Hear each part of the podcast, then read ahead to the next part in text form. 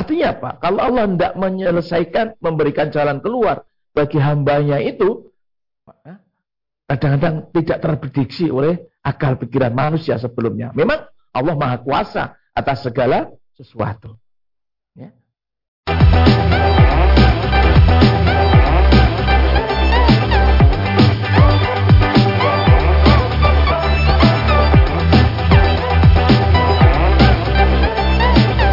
Bismillahirrahmanirrahim. Assalamualaikum warahmatullahi wabarakatuh. Saudaraku pemirsa MTA TV di mana pun Anda berada. Puji syukur Alhamdulillah senantiasa mari kita panjatkan kehadirat Allah Subhanahu wa Ta'ala atas limpahan karunia nikmat dan juga rahmatnya sehingga di kesempatan kali ini kita bisa berjumpa kembali dalam program Fajar Hidayah. Nah, pemirsa, di pagi hari yang baik ini, mari kita manfaatkan waktunya untuk senantiasa belajar, utamanya untuk memperdalam ilmu agama kita di program Fajar Hidayah. Dan di kesempatan kali ini, pemirsa, kita nanti akan dibimbing oleh beliau Ustadz Dr. Seni Mulyana, Magister Komputer. Dan Alhamdulillah, hari ini kita sudah terhubung dengan beliau melalui aplikasi meeting online. Langsung saja kita sapa. Assalamualaikum warahmatullahi wabarakatuh. Waalaikumsalam warahmatullahi wabarakatuh. Kabar baik dan sehat hari ini Ustaz? Iya, Alhamdulillah baik sehat. Alhamdulillah. Mudah-mudahan semua pemirsa TV MTA, pendengar radio Persada di mana pun berada selalu dalam kebaikan, kesehatan dan rezeki yang melimpah amin, amin. amin. Semoga doa baiknya ini mengiringi kita semua Ustaz. Baik, di kesempatan pagi hari ini yang akan disampaikan terkait dengan jalan keluar bagi orang yang bertakwa ya Ustaz ya. Insya Allah, insya Allah. Ya, baik, nanti kita juga akan berikan kesempatan untuk para pemirsa yang akan ikut berdiskusi ataupun bertanya terkait dengan tema ataupun problematika kehidupan sehari-hari. Bisa disampaikan secara langsung melalui nomor telepon 0271 atau di line SMS dan WA di 0811 dan untuk mengawali sesi satu kali ini kita akan dengarkan penjelasan dari Ustadz terkait dengan jalan keluar bagi orang bertakwa. Silakan Ustadz. Terima kasih. Bismillahirrahmanirrahim. Assalamualaikum warahmatullahi wabarakatuh. Inna hamdalillahi nahmaduhu wa nasta'inuhu wa nastaghfiruh. Wa na'udhu billahi min sururi anfusina wa min syai'ati a'malina. Wa yahdihillahu falamudillalah wa ma yudril falahadiyalah. Saudara-saudaraku, kaum muslimin, muslimat, pemirsa MTA TV dan pendengar Sabda FM di mana pun berada, puji dan syukur. Marilah selalu kita panjatkan kepada Allah Subhanahu wa taala yang telah melimpahkan berbagai nikmat kepada kita bersama sehingga pada pagi hari ini kita bisa istiqomah ya mengikuti acara yang kita cintai bersama Fajar Hidayah melalui eh, TV MTA dan juga Persada FM. Saudaraku yang dirahmati Allah, Allah berfirman dalam satu ayat surat At-Talaq ya, surat akhir dan ayat 2 dan ketiga ayat ini ayat yang sudah sangat populer kita dengarkan, kita terima berbagai forum kegiatan pengajian di mana Allah berfirman a'udzubillahi minasyaitonirrajim Wa may yattaqillaha yaj'al lahu makhraja. Ya. Dan barang siapa yang uh, bertakwa kepada Allah, maka Allah akan menjadikan baginya adalah jalan keluar. Ya. Ayat selanjutnya menyebutkan wa yarzuqhu min haitsu la yahtasib wa may yatawakkal 'ala Allah fa huwa hasbuh dan akan memberikan rezeki dari arah dari jalan yang tidak disangka-sangka. Dan barang siapa yang bertawakal kepada Allah, maka Allah akan mencukupkan, ya, mencukupkan baginya. Ya. Saudaraku rahimakumullah di mana pun berada. Ayat ini adalah firman Allah, janji Allah, di mana Allah menyatakan innallaha la yukhliful mi'ad Allah adalah zat yang tidak pernah memungkiri janjinya. Jadi maha benar Allah dengan segala firman-firmannya itu. Oleh karena itu eh, kita bisa belajar dari kisah-kisah teladan yang disebutkan dalam Al-Quran maupun hadis-hadis Rasulullah SAW bagaimana Allah ya memberikan pertolongannya, memberikan jalan keluarnya kepada hamba-hamba ya, hamba-hambanya yang betul-betul berjalan, betul-betul mengikuti, betul-betul menjalani urusan-urusan yang betul-betul memang urusan ras itu karena Allah Subhanahu wa taala. Ya. Banyak sekali kisah-kisah yang semacam ini Allah ya memberikan solusi, memberikan jalan keluar ketika sudah menghadapi masalah yang sungguh sangat pelik dan sangat berat. Oke. Okay. Ini beberapa kisah yang dapat kita sampaikan pada kesempatan pagi hari ini. Ya, menyambut nanti 10 Zulhijjah adalah kisah bagaimana uh, ibadah kurban yang semula adalah kisah ini uh, diperintahkan Allah memerintahkan kepada Nabi Allah Ibrahim alaihissalam lewat mimpinya ya bahwa Allah memerintahkan untuk menyembelih anaknya. Wahai anakku, sungguhnya aku lewat mimpi apa Allah ber, apa memerintahkan untuk menyembelih kamu. Oleh karena itu, pikirkanlah apa pendapatmu tentang perintah itu. Ya. Perintah ini disambut oleh putra beliau Ismail alaihissalam, wahai bapak, ya kerjakanlah apa yang diperintahkan oleh Allah. Sesungguhnya engkau akan mendapati aku sebagai orang-orang yang sabar. Kan begitu. Ya. Maka tatkala keduanya sudah menyerahkan diri, berserah diri, membaringkan eh, Ismail di atas pelipisnya dan siap disembelih, betul-betul melaksanakan perintah Allah itu, maka janji Allah, firman Allah turun, hai Ibrahim, kami seru wahai Ibrahim. Sungguh engkau telah membenarkan perintah itu dan menjalankan itu. Akhirnya jalan keluar datang digantilah perintah menyembelih anaknya itu dengan uh, sembelian yang besar. Dan bahkan balasannya bagi orang-orang yang sungguh-sungguh seperti itu, ya ujian yang sangat berat seperti itu, ya diangkat derajatnya, ya menjadi sebutan-sebutan orang-orang yang datang berikutnya, ya sebagaimana kalau kita salat Allahumma salli ala Muhammad wa ala ali Muhammad kama sholaita ala ali Ibrahim. Ya. Ini ya maka kelihatannya pelik. Ya. Dan ini semuanya jalan keluar ini tidak tidak disampaikan ya, bukan sebuah skenario wahai Ibrahim, laksanakan, nanti akan aku ganti. Dan ini diketahui sebelumnya itu tidak. Ya, tidak. Berjalan saja mengikuti perintah itu, maka Allah yang memberikan ya solusi jalan keluar itu. Ya. Juga peristiwa sebelumnya ketika Ibrahim ya difonis untuk dibakar ya jadi kisah yang pertama tadi Ibrahim tadi bisa dibaca di surat Sofat itu ya, surat ke-37 mulai 100 dan seterusnya sampai 111 itu ya. Kemudian eh, juga di apa surat Al-Anbiya ya, surat ke-21 ayat 69 itu kisah Nabi Ibrahim yang dibakar ya. Maka Allah berfirman, "Ya narun bardan, wassalaman ala Ibrahim." Wahai api, dinginkanlah dinginlah kamu dan selamatkan Ibrahim. Ya. Hal yang semacam ini adalah hal kekuasaan Allah yang mutlak bagi Allah dan Allah adalah maha segala maha ya tentunya begitu. Bapak kaum muslimin, muslimat di mana pun berada, ya. kisah yang lain sangat banyak sekali dalam Al-Quran. Ya. Dua kisah berikutnya berkaitan dengan Nabi Musa alaihissalam. Pertama kisahnya Nabi Musa ya ketika baru dilahirkan. Ya. Jadi ketika itu ada suatu undang-undang begitu dari pemerintahan Firaun ya bahwa bayi yang lahir pada satu tahun itu dia biarkan hidup dan bayi yang lahir pada tahun berikutnya harus dibunuh yang laki-laki. Ya.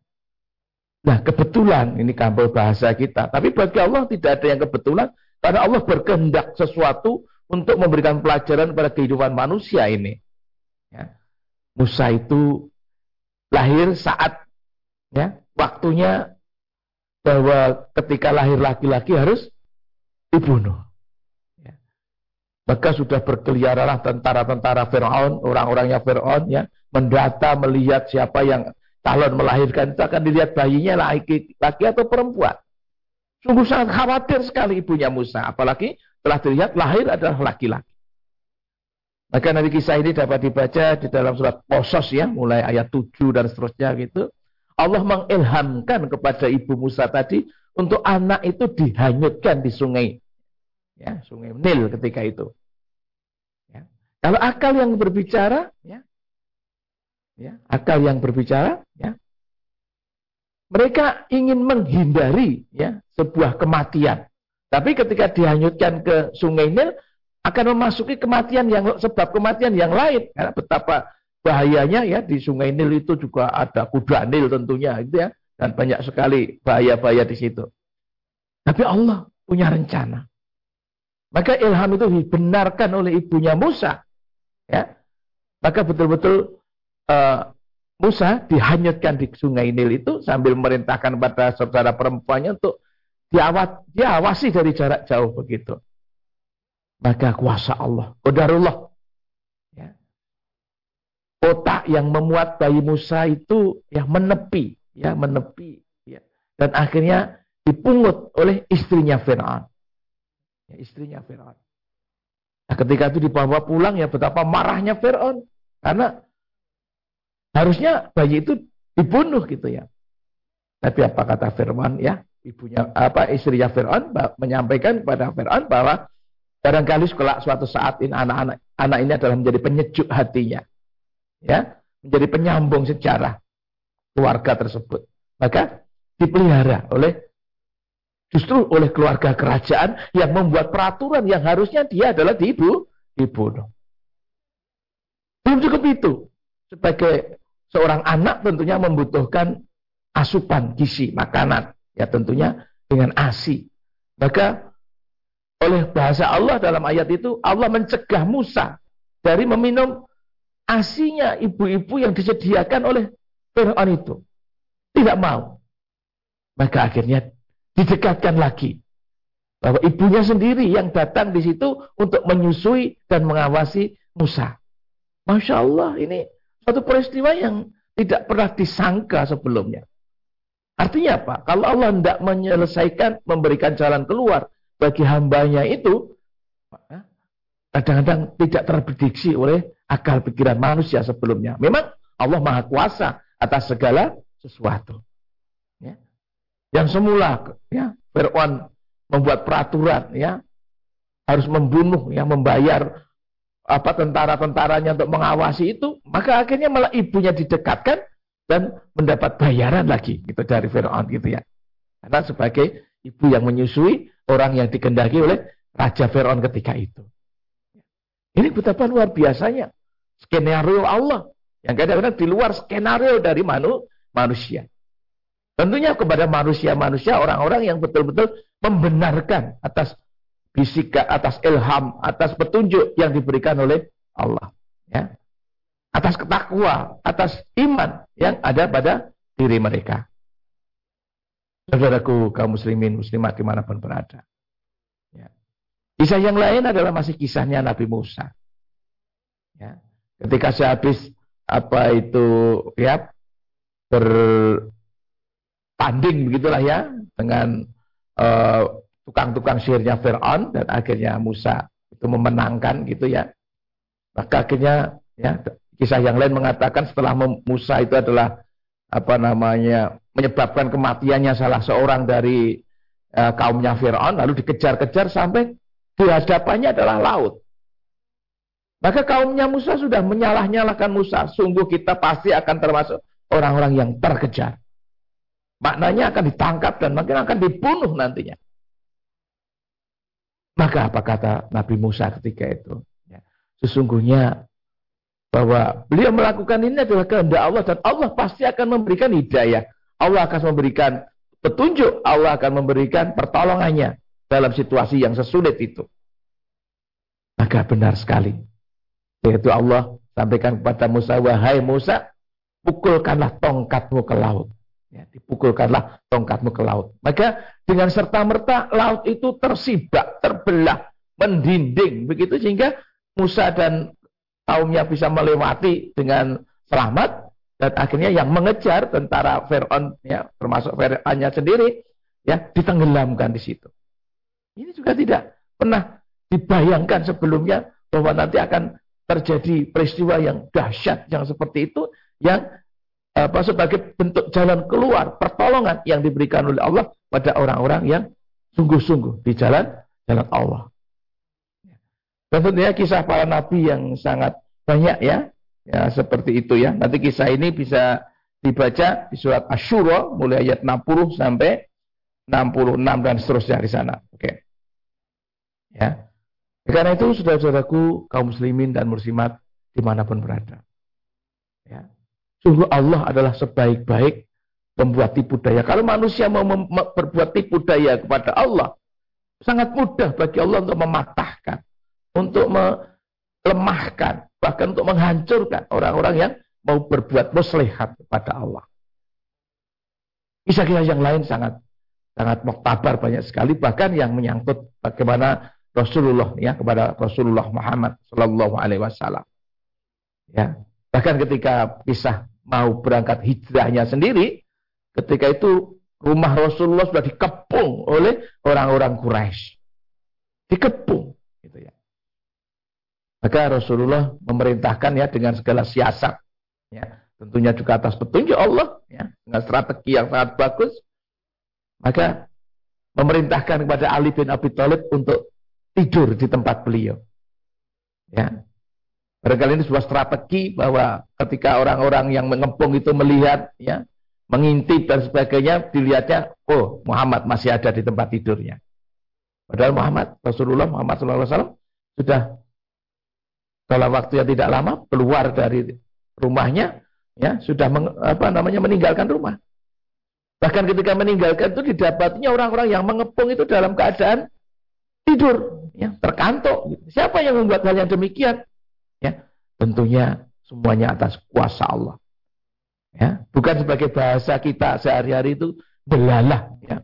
Ya, bukan seperti itu.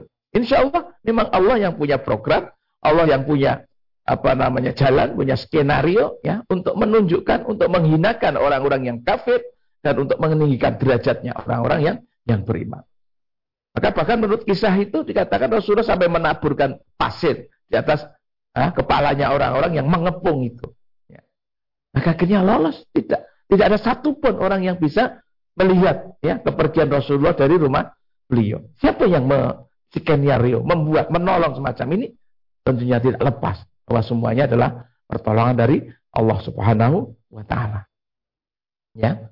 Akhirnya ketika suatu saat ya beberapa hari berikutnya Rasulullah melakukan perjalanan ya, perjalanan dari Mekah ke Madinah dalam rangka hijrah itu ya yang ditemani oleh sahabat beliau Abu Bakar. Ya. Di sini pun strategi beliau juga dilakukan. Akhirnya Rasulullah yang menuntun kudanya itu ya Abu Bakar yang naik kudanya. Ya, ketika ditanya karena kebanyakan orang-orang Quraisy yang dikenal Abu Bakar. Hai, siapa orang ini? Hai Abu Bakar. Maka dijawab dengan apa namanya tangkas dengan begitu cerdasnya. Beliau adalah penunjuk jalan saya. Ya. Makna penunjuk jalan sangat banyak ya. Penunjuk jalan hidup yang memberikan petunjuk ya tuntunan pada kehidupan yang membawa keselamatan begitu. Ya, luar biasa. Ya. Akhirnya masuk ke dalam sebuah gua, ya, di mana gua di sana apa namanya masih masih sangat sangat ya primitif ya guanya gitu ya belum tertata. Nah, maka dikejar oleh orang-orang yang pengejar-pengejar yang handal gitu ya sampai di hadapan gua begitu ya bahkan Abu Bakar sempat digigit ular ketika itu dalam menurut kisah itu gitu ya ya maka Rasulullah membisikkan kepada Abu Bakar wahai Abu Bakar janganlah sedih janganlah takut innallaha ma'ana Sungguhnya Allah bersama kita. Gitu ya. Ya. Maka kuasa Allah pun tampak. Ya. Dijadikanlah tentara-tentara yang nampaknya ya nampaknya sangat sangat lemah, sangat rapuh, kami menjadikan hal yang sangat kuat ketika itu atas kehendak Allah. Apa itu? Dengan sarang laba-laba yang apa namanya tidak tidak rusak. Ya. Maka orang-orang pengejarnya itu sampai berdebat, oh tidak mungkin masuk di sini. Kalau masuk Sudahlah, sarang laba-laba itu pasti sudah rusak semua. Ternyata ini utuh, ya, utuh. Gitu. Juga menurut riwayat itu, ya, ada kisah burung-burung merpati yang ada di situ yang tidak apa namanya tidak tidak bergeming masih masih tetap tenang ada di mulut gua tersebut. Kalau ada orang yang masuk pasti sudah berterbangan. Siapa yang mengatur seperti itu? Ya. Bahkan menurut riwayat itu juga dikatakan seandainya, seandainya orang-orang pengejar itu karena di atas guanya melihat bayangannya sendiri, melihat ke bawah pasti akan tampak bahwa di dalam gua itu ada Abu Bakar dan Rasulullah Sallallahu Alaihi Wasallam. Ya. Tapi hal itu tidak terjadi. Ya, kalau bahasa kita di Jawa ini, ya kok delalah kok yoran ya dungkluk, tidak menunduk melihat ke bawah gitu gitu ya. ya. Ini adalah sebuah kisah-kisah betapa Allah Maha Kuasa. Ya, Allah memiliki skenario, Allah memiliki kehendak. Ketika Allah berkehendak untuk menyelamatkan hambanya, tidak ada satupun bisa menghalangi, mencegah dari pertolongan Allah itu. Kata kuncinya apa tadi? Kata kuncinya adalah wa may yattaqillaha yaj'al lahu. Barang siapa yang bertakwa kepada Allah, maka Allah akan memberikan baginya jalan keluar setiap kesulitannya. Firman Allah ini firman yang berlaku untuk sepanjang masa selamanya sampai hari kiamat. Tidak pernah ada perubahan dari sunat Allah. Kalau orang itu betul-betul ya menolong sungguh-sungguh bertakwa kepada Allah Allah memberikan pertolongannya itu adalah sebuah ketetapan keputusan dan nas bahkan hukum dari Allah Subhanahu wa taala dan berlaku kepada siapa saja termasuk kepada kita bersama kepada umat yang akan datang sekalipun ya. oleh karena itu marilah kita menghadapi suatu masalah apa pun jangan sampai berputus asa wala tayasumin rahilah Janganlah pernah berputus asa dari rahmat Allah. Kita memiliki Allah. Ya, tentunya asbab, zahir untuk bagaimana problema permasalahan itu bisa diselesaikan juga tetap harus ditempuh. Gitu ya. Harus ditempuh. Mungkin kita menganggap bahwa saat ini kita punya banyak masalah, tapi masih belum ketemu solusinya. Ya, maka kita perlu introspeksi. Barangkali ketakwaan yang ada pada diri kita belum mencapai tingkat ketakwaan yang bisa mendatangkan, mengundang pertolongan Allah. Mari kita tingkatkan terus menerus, ya, kebaikan-kebaikan kita, ibadah-ibadah kita, ya. Sekarang amalan-amalan yang yang perlu kita kerjakan sebagai bukti menyatakan diri sebagai orang-orang yang yang bertakwa.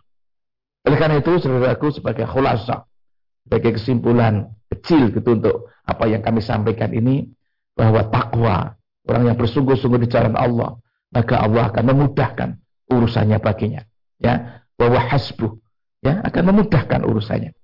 Ya, bahkan akan memberikan rezeki wa yarzuqhu min haitsu la yahtasib. Ya, memberikan rezeki dari jalan yang tidak disangka-sangka. Kenapa? Memang Allah Maha Kaya. Allah tidak berkehendak dengan apa pun ya kehidupan dunia ini karena semuanya itu adalah milik Allah. Kitalah yang berkehendak kepada Allah, dengan itu mari kita perbaiki peribadatan kita. Kita sadari, kita luruskan tauhid kita. Bahwa hanya kepada Allah lah kita menyembah. Dan hanya kepada Allah lah kita memohon pertolongan. Sebagaimana yang selalu kita ucapkan sehari-hari dalam sholat kita. Iyaka na'budu wa iyaka nasta'in. Hanya kepada engkau lah ya Allah kami menyembah dan menghambakan diri. begitu ya. Dan hanya kepada engkau lah kami memohon pertolongan.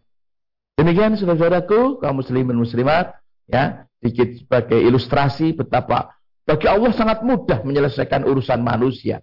Jangankan menyelesaikan segala kesulitannya. Allah itu menciptakan manusia yang tidak ada apa namanya yang membantu sama sekali itu pun mudah bagi Allah. Kalau Allah berkehendak itu cukup mengatakan kun fayakun. Ya, oleh karena itu yang perlu kita lakukan adalah menjadi orang-orang yang betul-betul beriman kepada Allah sehingga keimanan kita itu betul-betul ya dapat mengundang, mem memohon kepada Allah sehingga Allah berkenan untuk menyelesaikan, memberikan solusi untuk apa namanya memberikan kemudahan-kemudahan terhadap apa-apa yang kita hadapi. Demikian Mas Wahid yang kita dapat sampaikan. Terima kasih. Baik, terima kasih Ustaz untuk penjelasannya. Berarti ketika kita menjadi orang yang bertakwa, insya Allah akan ada jalan keluar ketika ada problematika itu ya Ustaz ya. Insya Allah, ya, baik. sekali. Insya Allah nanti kita akan sesi kedua bacakan pertanyaan dari pemirsa yang sudah masuk di pesan WhatsApp dan SMS di 0811 255 3000 atau nanti kalau para pemirsa ingin bertanya secara langsung bisa menghubungi kami di 02716793000. Namun kita akan ikuti jeda pariwara berikut ini dan tetap bersama kami dalam program Fajar Hidayah. Baik, saudara pemirsa MTA TV di mana pun Anda berada, terima kasih Anda masih setia bersama kami dalam program Fajar Hidayah. Dan di pagi hari ini kita akan dibimbing oleh beliau Ustadz Dr. Sri Mulyana Magister Komputer serta mempersilahkan untuk para pemirsa yang akan bertanya bisa secara langsung melalui nomor telepon 0271 6793000 atau melalui line SMS dan WA di 08112553000. Baik Ustadz, kita lanjutkan kebersamaan kita di Fajar Hidayah kali ini. Dan yang pertama kita akan berikan kesempatan untuk penelpon yang akan kita terima. Halo, Assalamualaikum. Waalaikumsalam warahmatullahi wabarakatuh. Baik, dengan Bapak siapa Anda dari mana ini? Dari Pak Tunggal di Tulung Klaten. Baik, Pak Tunggal silakan pertanyaannya. E, begini Ustaz ya, kan e, sholat jamaah itu kan ada tiga pendapat itu Ustaz. Yang pertama, yang kedua, yang ketiga, yang yang ke, yang ke, yang saya ambil itu yang kedua. Jadi e, kalau imamnya membaca membaca dengan sir, kita e, membaca kalau uh, imamnya Mbak Jahar, kita mendengarkan. Nah, terus uh, imam itu membaca sir, uh, tapi saya ketinggalan. Terus saya ngambil yang yang apa tuh, yang uh, pendapat yang ketiga itu kan, kalau yang ketiga itu kan bacaan imam untuk semua makmum gitu. Uh, gimana ya saja? Boleh nggak itu ya? ya. Saya tuh seringnya mau mengambil yang pendapat kedua. Jadi kita ngikuti Al-Fatihah, kadang-kadang baru itu uh, uh, Siratul Amta alaihim itu udah udah dia ada ruko. Jadi saya terpaksa yang ikuti ruko gitu. Uh, gitu aja. Makasih. Assalamualaikum. Waalaikumsalam. Waalaikumsalam warahmatullahi wabarakatuh. Ya, baik. Yeah. Hak tunggal ditutung ya. Ya. ya. Biasanya mengikuti pendapat apalah apabila apa imam baca jahar, imam mendengarkan gitu ya. Kalau imam bacanya sir, kita juga membaca. Nah kebetulan bacaan kita ketinggalan. Lalu imam sudah memasuki rukun berikutnya, maka ya kewajiban makmum kan mengikuti imam. Ya kalau kita konsisten dengan pendapat itu, ya pendapat itu, ya berarti kita apa ketinggalan dalam sholat gitu ya, kurang sholat kita gitu ya. Ketika sholatnya kurang, nanti melengkapi ya. Kita walaupun sholatnya sir, sholatnya duhur ya, kita datang-datang gitu baru fatihah separuh gitu ya, Fatihah separuh, imamnya sudah ruku, berarti kan? Nah itu berarti sholat kita adalah sholat yang tidak sempurna, apa namanya rekaat tersebut.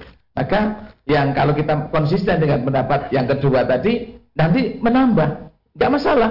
Menambah itu kan kita beribadah kepada Allah. Jangan berhitung wah rugi tidak nambah begitu ya. Jangan seperti itu karena kita sedang beribadah kepada kepada Allah.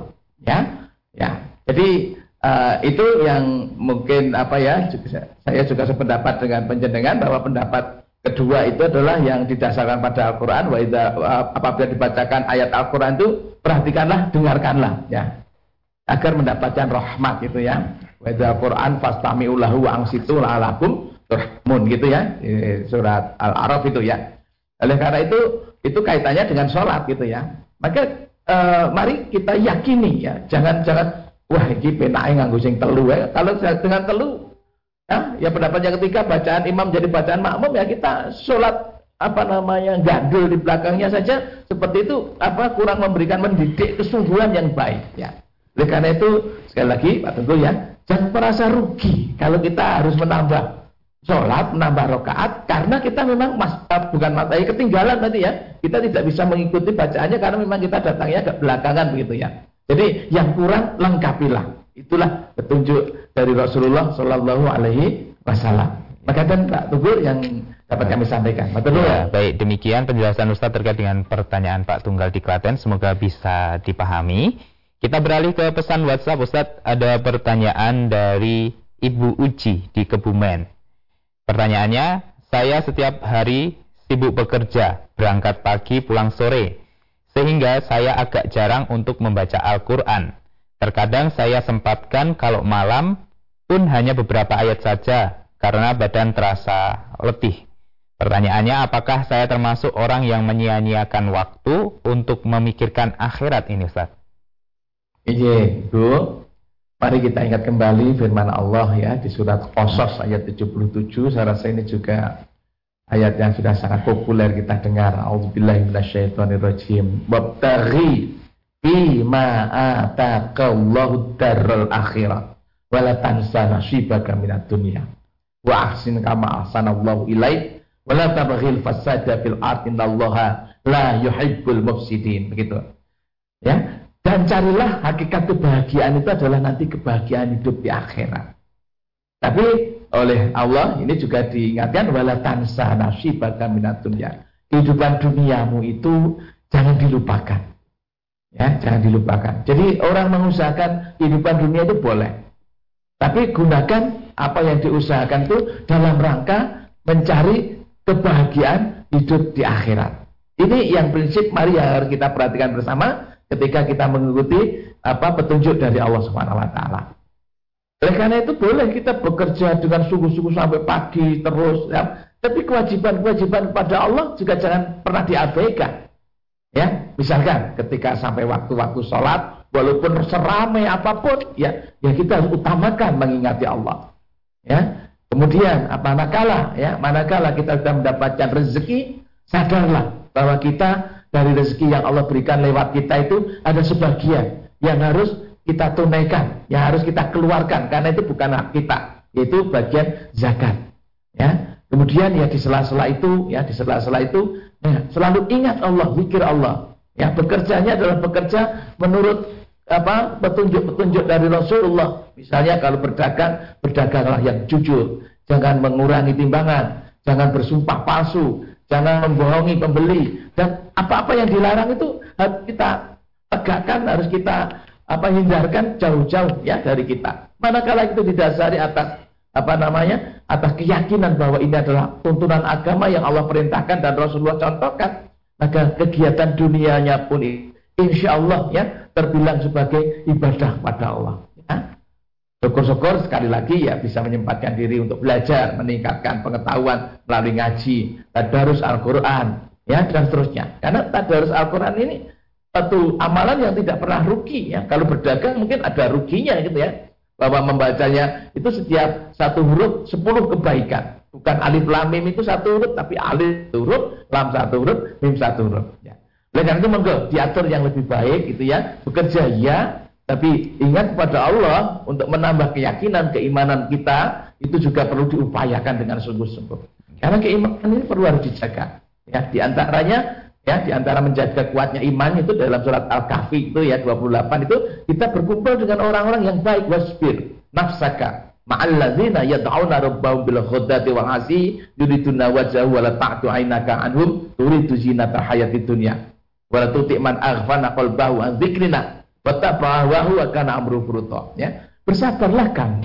Sukakanlah hatimu berkumpul kepada orang-orang yang selalu mengharapkan ridha Allah. Ya ridha Allah dan di waktu pagi dan senja hari. Janganlah kamu berpaling dari mereka meninggalkan orang-orang baik itu hanya mengejar kehidupan dunia ini. Karena kehidupan dunia itu kalaupun kita kejar tidak mungkin kita uh, mendapatkan sesuai apa yang diinginkan. Bagiannya ya yang Allah berikan saja kepada kita itu. Oleh karena itu mari kita atur yang sebaik-baiknya ya ya bekerja iya itu ya dengan penuh keyakinan dan menjalankan sesuai dengan petunjuk Allah tapi mari kita tambah porsinya untuk ibadah, ya, sholat-sholat sunnah, ya, zikrullah, ya, membaca Al-Quran, ya. Seperti kalau itu berjaga di tengah-tengah ketika sepi sambil apa menunggu, ya, bisa ya baca-baca ilmu pengetahuan dari buku-buku Al-Quran dan seterusnya. Mudah-mudahan ibu atas usaha ibu itu apa namanya mendapat kebaikan yang banyak dari Allah. Ya, Maka kan untuk Ibu Uji di Kebumen. Kebumen. Ya. ya, baik demikian untuk Ibu Uji di Kebumen. Selanjutnya kita bacakan kembali pertanyaan dari Pak Bambang Riyadi di Pontianak Ustadz. E, beliau mohon penjelasannya terkait dengan surat Al-Baqarah ayat 196. Kalau ada orang yang menjalankan umroh terlebih dahulu, kemudian ada kesempatan naik haji, kapan pelaksanaan haji? Waktu umrah atau pas naik haji Ustaz? Mohon penjelasannya. Iya, Pak Riyadi ya, Mama Riyadi di Pontianak. Jadi di Al-Baqarah 196 itu adalah kaitannya adalah pelaksanaan umroh saat menjalankan haji. Jadi satu rangkaian. Jadi ada tiga macam apa pelaksanaan umroh dalam rangkaian haji. Yang pertama disebut nanti hajinya adalah haji ifrat. Itu melaksanakan haji dulu, selesai, baru melaksanakan umroh. Kemudian haji kiram itu haji dan umrohnya itu diniatkan bersama-sama. Dan yang ketiga adalah haji tamato. Ini yang banyak dilakukan uh, jamaah-jamaah dari, dari Indonesia, ya, yaitu melaksanakan umroh dulu, baru haji. Jadi ketika datang di Makkah itu sambil menunggu haji sudah melaksanakan umroh dulu. Nah ini yang namanya haji tamato. Nah oleh Allah orang-orang yang melaksanakan haji tamato ini ada kena dam, ya hadiu tadi istilahnya dam, yaitu menyembelih seekor apa hewan sembelian ya kambing gitu ya. Itu dilaksanakan ya biasanya sudah dikoordinir oleh kalau jemaah Indonesia melaksanakan uh, haji tamato ini ada dikoordinir bersama secara kebersamaan ya. Ya penyembelihannya di, di sana di saat korban itu adalah tapi sebagai sebagai apa dam tadi ya? Denda. Ya ini yang mengatur Allah. Kalau haji tamato ya melaksanakan umroh dulu baru haji maka dia akan terkena dam jadi bukan bukan seperti sekarang baru kesempatan umroh lalu besok haji bukan seperti itu. Jadi ini adalah ayat ini berkaitan pada pelaksanaan haji itu karena ada umrohnya begitu ya. Saat haji itu ada juga uh, pelaksanaan umroh ya. Kalau umrohnya dilaksanakan dulu itu namanya tamato dan ini kena dam. Ya damnya ya ketika di tempat haji sana gitu ya. Begitu Pak Riyadi. Bambang Riyadi di Pontianak. Ya, ya baik. Nanti lebih diperdalam lagi kalau di majelis tafsir Al-Quran ada buku tunan haji itu ya, ya boleh dipelajari, dibeli di baca lebih lengkap lagi. Makanya Baik, demikian untuk Bapak Bambang Riyadi di Pontianak. Selanjutnya ada pertanyaan kembali di pesan WhatsApp ini Ustaz dari Pak Edi Suwarno di Trenggalek. Abu Said radhiyallahu an berkata bahwasanya Rasulullah Shallallahu alaihi wasallam bersabda, "Tiada seorang yang berpuasa sehari saja fisabilillah, melainkan Allah akan menjauhkan mukanya dari neraka sejauh perjalanan 70 tahun. Hadis riwayat Bukhari dan Muslim. Hadis ini apakah boleh diamalkan dan hari-hari apa saja ini Ustaz? Ya, itu hadisnya Bukhari Muslim ya, insya Allah hadis yang sahih, yang baik itu ya. Jadi hadis-hadis semacam itu namanya hadis-hadis penghasung. Ya, penghasung itu pemberian kabar gembira dari Allah kepada orang-orang yang betul-betul memperhatikan suatu ibadah yang dimaksud. Orang yang berpuasa karena mengharapkan ridho Allah betul-betul gitu ya. Itu tadi uh, hasungannya adalah akan dijauhkan dari neraka sepanjang 70 tahun perjalanan. Ya. Itu uh, ketika itu hadis sahih boleh dijalankan. Hari-harinya apa saja. Manakala tidak ditentukan harinya ya hari kapan saja selama hari-hari itu bukan bukan larangan berpuasa.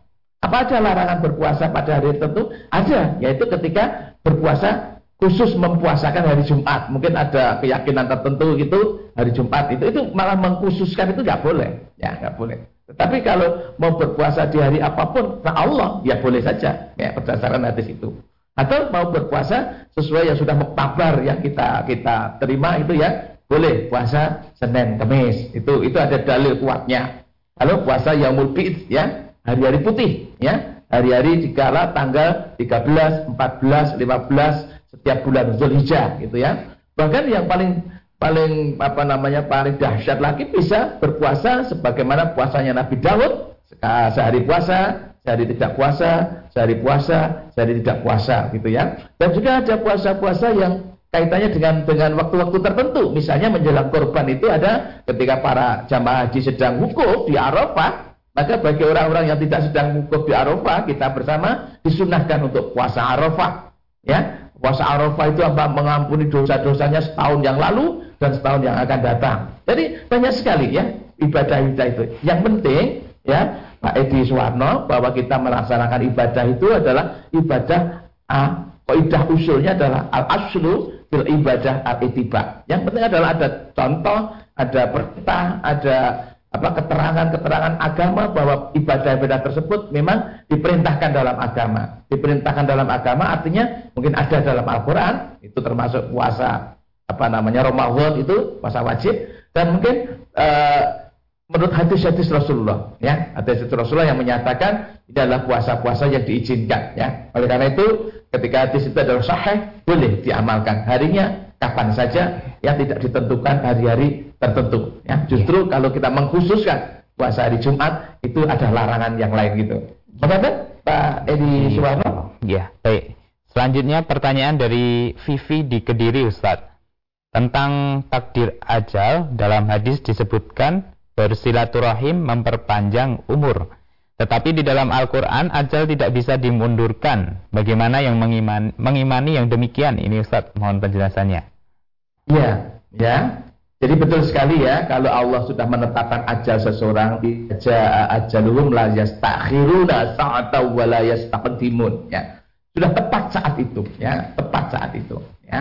Ajal itu pada posisinya. Tapi posisi-posisi yang mana itu kan tidak diketahui oleh manusia. Ini sesuatu hal yang gaib. Hanya Allah saja yang tahu.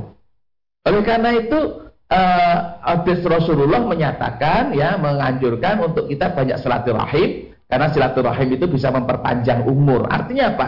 Kalau orang itu bisa bersilaturahim pasti orang yang sehat. Ketika bersilaturahim itu membawa manfaat dengan hati yang senang. Nah, senangnya hati ini juga akan menjaga uh, kesehatan baik jasmani rohaninya seseorang. Ya. Tentunya kalau kita berjumpa dengan saudara-saudara kita yang kita senang ketika berjumpa itulah itu adalah sebab-sebab untuk menjadi tetap sehatnya gitu ya. Ya. Oleh karena itu bagaimana mengimani? Ya diimani sesuai dengan apa ketentuannya itu. Kalau sudah sampai pada saatnya, pada waktunya, ya tadi dikatakan idza jaa ajaluhum la yastakhiruna sa'ata wa la yastaqdimun. Kalau ajal itu sudah sampai pada saat yang ditentukan, kamu akan kumpulkan dokter-dokter spesialis terbaik Indonesia itu untuk merawatnya ya kalau sudah sampai saatnya akan akan mati begitu ya. Tapi manusia manusia tetap di apa diperintahkan untuk berikhtiar ketika sakit berobat ya. Oleh karena itu ini bisa bisa ditanggapi bahwa apa namanya terhadap musibah yang menerima itu akhirnya kita harus apa namanya menyerahkan semua urusan itu kepada Allah. Yang maha kuasa akhirnya Allah ya Manusia punya kehendak, ya. tapi kehendak Allah lah yang pasti terjadi. Tapi sekali lagi, ya berbagai cara, berbagai hal untuk bisa memanjangkan umur, tetap sehat, ya berolahraga itu adalah upaya yang manusia untuk agar sehat. Nah kalau sehat itu adalah umurnya panjang. Tapi ada juga orang yang sebab olahraga yang maunya sehat malah menjadi mati juga banyak, ya. Itu dulu ada beberapa orang terkenal itu ketika bulu tangkis mati, habis apa namanya tenis mati. Kalau begitu apakah penyebab kematian itu tenis atau bulu tangkis? Ya tidak gitu ya. Itu karena kasus-kasus tertentu memang Allah mengendaki jalan kematiannya seperti itu gitu ya. Jadi terus jangan sampai kita takut melakukan aktivitas karena ada orang yang beraktivitas itu mati gitu ya. Bahwa kematian yang banyak di Indonesia itu salah satunya juga di jalan raya. Apa terus kita tidak mau bepergian ke mana-mana begitu ya. Nah artinya kita tetap mengupayakan sungguh-sungguh agar tetap sehat ya. Kalau kita sehat itu adalah bisa memperpanjang usia mudah-mudahan. Tapi juga ada orang yang mati dalam keadaan ya, tampaknya ya, tampaknya orang memandang dalam keadaan sehat. Tapi Allah yang Maha tahu ya sebab-sebab kematian itu. Jadi tetap bersilaturahim dan tetap yakin bahwa ketika ajal sampai tidak bisa dimajukan dan tidak bisa dimundurkan. Karena itu firman Allah dan silaturahim itu adalah perintah yang disampaikan oleh Rasul Rasulullah. Ya, mereka Mbak Vivi di Kediri. Baik, demikian untuk Ibu Vivi di Kediri semoga bisa dipahami dan itu pertanyaan terakhir yang kita bacakan di kesempatan kali ini Ustaz. Sebagai penutup barangkali bisa disampaikan sebagai closing statement dan kesimpulan untuk Fajar Hidayah kali ini Ustaz.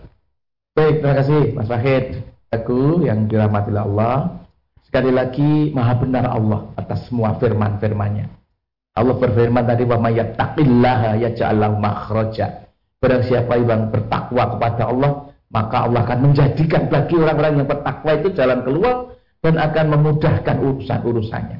Oleh karena itu yang penting bagi kita, mari kita memperbaiki itoah kita, ketakwaan kita, keimanan kita, ya akidah kita. Ya. Perkara nanti Allah akan memberikan kemudahan kepada kita apa? Kita tidak perlu berpikir fokus di sana justru ya. Justru fokusnya kita perbaiki saja. Ya, kalau kita apa namanya perhatikan barangkali nanti Allah pasti akan mendatangkan pertolongannya. Misalnya kita dalam apa kondisi yang kepepet mau bayar apa namanya keluarga yang sakit ya. Nanti suatu saat ya kamu ada saja yang datang. Ya kita mempunyai apa kalau orang Jawa itu punya lesung yang untuk apa numbuk padi itu. Ada yang datang itu kok tertarik dengan itu membeli itu dengan harga yang pantas sehingga kita mendapatkan sesuatu yang bisa untuk kita uh, tunaikan tadi. Nah hanya semacam ini kalau kita apa bahasa Jawanya titen begitu ya. Kita betul-betul perhatikan dalam diri kita tentunya sangat banyak. Suatu saat dalam perjalanan hampir saja kita keserempet kendaraan gitu ya, keserempet kendaraan yang hampir. Berarti kita diselamatkan.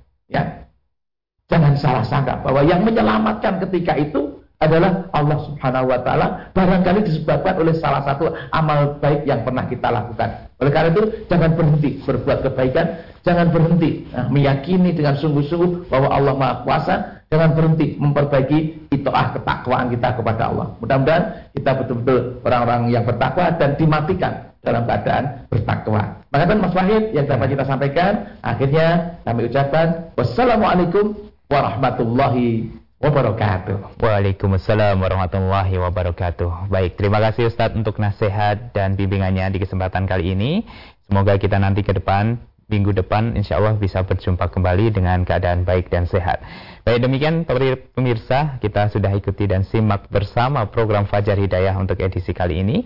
Kami mengucapkan terima kasih untuk partisipasinya, serta mohon maaf apabila ada pertanyaan yang belum sempat kami bacakan. Serta kami mengingatkan untuk selalu menjaga kesehatannya supaya bisa mengoptimalkan aktivitas kita dan ibadah kita di masa kali ini. Akhirnya, saya Wahid Arifudin pamit undur diri. Alhamdulillahirabbil alamin. Subhanakallahumma wa bihamdika asyhadu alla ilaha illa anta astaghfiruka wa atubu. Wassalamualaikum warahmatullahi wabarakatuh.